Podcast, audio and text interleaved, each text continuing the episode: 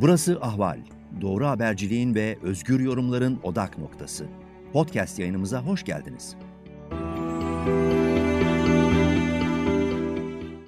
Merhaba sevgili dinleyiciler. Ben Zülfikar Doğan. Yeni gelişmeleri değerlendirmek ve yorumlamak üzere Ankara'dan tekrar karşınızdayım.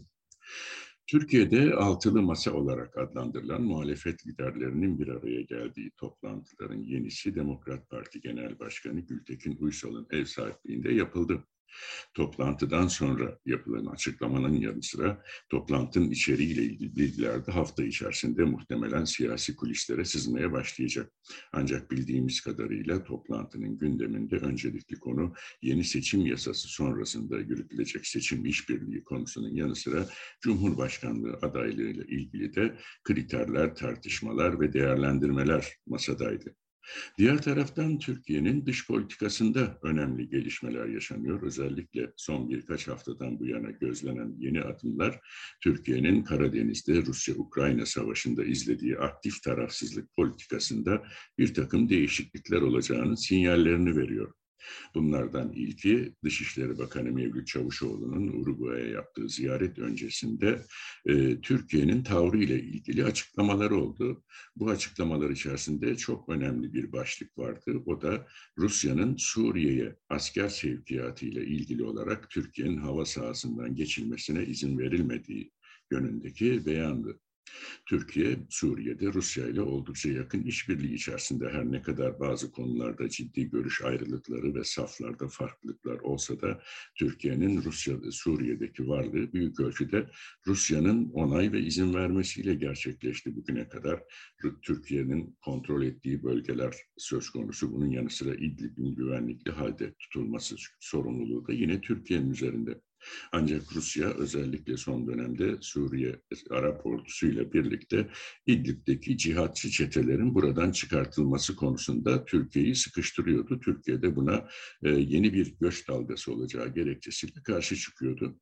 Şimdi e, Rusya-Ukrayna savaşında aktif tarafsızlık politikası çerçevesinde Montre Boğazlar Anlaşması'nda savaş gemilerinin geçişine e, yönelik sergilenen tavrın yanı sıra Rusya'nın Suriye'ye asker asker gönderdiği uçaklar için Türkiye hava sahasının kapatılması kararı da e, kanımca kritik bir gelişme ve sonuçları olabilecek bir gelişme. Rusya buna e, tepki göstermedi, sessiz kaldı. Dışişleri Bakanı Mevlüt Çavuşoğlu konunun Cumhurbaşkanı Erdoğan tarafından da Putin'e iletildiğini, zaten e, hava sahasının üçer aylık dönemler itibariyle açıldığını ancak son sürenin Nisan ayında dolduğunu belirterek e, Suriye'ye giden e, Rus askerlerini taşıyan uçaklara, askeri uçakların yanı sıra sivil uçaklara da izin verilmediğini kaydetti. Bu bir yandan da batılı ülkelere de mesajdı. Yani bakın biz her ne kadar Rusya'ya yönelik yaptırımlara katılmıyor olsak da e, Rusya'nın askeri operasyonlarını gerek havadan gerekse boğazlardan e, engelliyoruz. E, bu konuda uluslararası sözleşmelerin verdiği yetkileri kullanıyoruz şekli değerlendirilebilir. Rusya cephesinden bakıldığında ise harekatın ikinci safhasına geçildiği e, açıklandı resmi yetkililer tarafından ve e, öncelikli hedefin Ukrayna'nın doğusunun ve güneyinin tamamıyla kontrol altına alınması, alınması olduğu dile getirildi.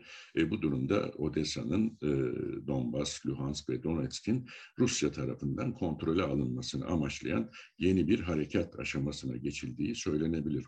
Ama bunun öncesinde 9 Nisan'da oldukça kritik bir toplantı yapıldı.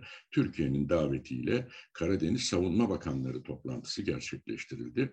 E, benim değerlendirmeme göre Türkiye'nin aktif tarafsızlık politikası ve Rusya-Ukrayna arasında diyaloğu sürdürme, e, yaptırımlara katılmamanın yanı sıra e, Karadeniz'de etkin bir rol e, üstlenme amacından biraz daha batıya doğru kaymaya başladığının işaretleri bu toplantıda verildi. E, Milli Savunma Bakanı Hulusi Akar'ın davetiyle yapılan bu toplantıya Bulgaristan, Romanya, Gürcistan, Ukrayna, Polonya e, savunma bakanları davet edilmişti. E, Rusya yoktu bu toplantıda. Hem Karadeniz Savunma Bakanları toplantısı adında, adı altında yapılan bir toplantıya Rusya'nın davet edilmesi hem de Karadeniz'le alakası olmayan, Karadeniz'de kıyısı bulunmayan Polonya'nın bu toplantıda yer alması Türkiye'nin e, siyaset değişikliğinin bana göre en önemli işaretlerinden bir tanesi. Biden yönetimine yanaşma, Avrupa Birliği ve ABD politikalarına yanaşma ve Rusya-Ukrayna savaşını bu strateji değişikliği için bir fırsat penceresi olarak değerlendirme yaklaşımının e, bir göstergesi e, bu toplantı. E, toplantıda işte Karadeniz'de mayınlara karşı işbirliği, Karadeniz'deki gelişmelerin değerlendirildiği açıklandı. Rusya-Ukrayna savaşı ile ilgili değerlendirmelerde bulunulduğu açıklandı. Ancak Rusya davet edilmediği ya da belki kendisinin katılmadığı bu toplantı ile ilgili sessiz bir tavır sergiledi. Ee, hem hava sahasının kapatılması, arkasından Karadeniz Savunma Bakanları toplantısında Rusya'nın dışlanması e, bu suskunluğun pek hayra alamet olmayacağını da gösteriyor. Ee, geçmişte de e, Rusya bu gibi durumlarda e, fazla sert tepki vermedi, ses çıkartmadı ama daha sonra çok farklı hamlelerle ortaya bir takım bedeller e, koydu diyebiliriz. Şimdi bu tavrın e, gereker e, askeri hava sahasının kapatılması, gerekse savunma bakanları toplantısında Türkiye'nin izlediği tavrın karşılığında e, Rusya suskun kalsa da Putin'in e, geçmişteki davranışları, tutumları göz önünde bulundurulduğunda bunları bir kenarda biriktirdiğini belki de hiç umulmadık bir anda Türkiye'nin önüne e, çok ciddi bir ekonomik fatura 2015'teki savaş uçağı krizinde olduğu gibi ya da Suriye'de bir askeri fatura çıkartabileceğini söylemek pek de yanlış olmaz. Çünkü Rusya geçmişte bunu yaptı e, Türkiye'ye e, hatırlayacaksınız e, İdlib'de e, bir hava saldırısı gerçekleştirildi. Bunun yanlışlıkla olduğu dile getirildi ama 30'dan fazla Türk askeri şehit oldu bu saldırıda. E, ardından Cumhurbaşkanı Erdoğan e, Moskova'ya gittiğinde de Putin uzunca bir süre e, randevu saatine rağmen kendisini kapıda bekletmişti. Bu da e, Rusya'nın sembollerle, simgelerle mesaj verme diplomasisinin bir işaretiydi. Dolayısıyla şimdi gelinen noktada e, Rusya'nın özellikle e, ağır ekonomik yaptırımlara e, uğraması, e, ekonomik olarak güç kaybetmesi, e, bunun yanı sıra bu yaptırımların olası bir barış veya ateşkes sonrasında da sürdürüleceğini işaret eden e, liderlerden açıklamalar geliyor. Örneğin Biden e, Putin'i savaş suçlusu ilan etti. Hatta soykırım yaptığını öne sürdü. Sadece bu söylemler bile Rusya-Ukrayna savaşı sona erse de Amerika Birleşik Devletleri'nin ve batılı e, ülkelerin Rusya'yı olabildiğince zayıflatmak, ekonomik ve askeri açıdan e, çökertmek için e, bu suçlamaları gündeme getirerek, bunları gerekçe göstererek Rusya'ya yönelik yaptırımları devam ettireceklerini işaret ediyor.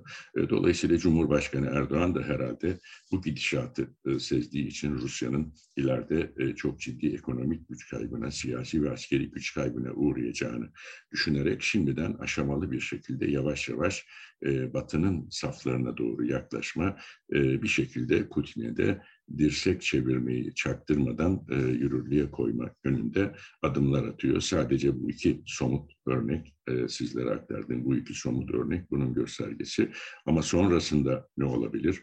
E, öngörülemeyen çok ciddi sonuçlarla Türkiye karşı karşıya kalabilir. Çünkü Türkiye bu bölgenin ülkesi hem Karadeniz'de hem Orta Doğu'da e, önemli e, stratejik bir ülke ve attığı adımlar, yaptığı hamleler e, sonuçlar doğurabilecek, etkiler yaratabilecek adımlar. E, o nedenle de Rusya'nın eğer e, bu adımlardan dolayı bir hoşnutsuzluğu söz konusuysa ki muhtemelen öyle, e, bunun e, karşılığında bir takım adımlar atması kaçınılmaz gibi görünüyor. O zaman da Türkiye daha fazla Amerika Birleşik Devletleri'ne yaklaşmak, yakınlaşmak durumunda kalacak bir stratejilerini kökten değiştirmek zorunda kalacak. Öngörülemeyen ve bir takım sonuçlar ortaya çıkabilecek. Bütün bunları önümüzdeki süreçte göreceğiz. Ancak e, bu değerlendirmelerden sonra sizlerle paylaşmak istediğim son düşüncem e, önümüzdeki yakın dönemde Türkiye-Rusya ve Türkiye-ABD ilişkilerinde çok yeni sıcak gelişmelerle karşı karşıya olacağımızı söylemek yanlış olmaz. Ben Zülfikar Doğan, şimdiden hoşçakalın diyorum. Tekrar görüşmek dileğiyle. Ahval podcastlerini tüm mobil telefonlarda Spotify, SoundCloud ve Spreaker üzerinden dinleyebilirsiniz. Apple iPhone kullanıcıları bize iTunes üzerinden de ulaşabilir. Türkiye'nin ve hayatın cıvıl cıvıl sesleri Ahval Podcast dizisinde. Kulağınız bizde olsun.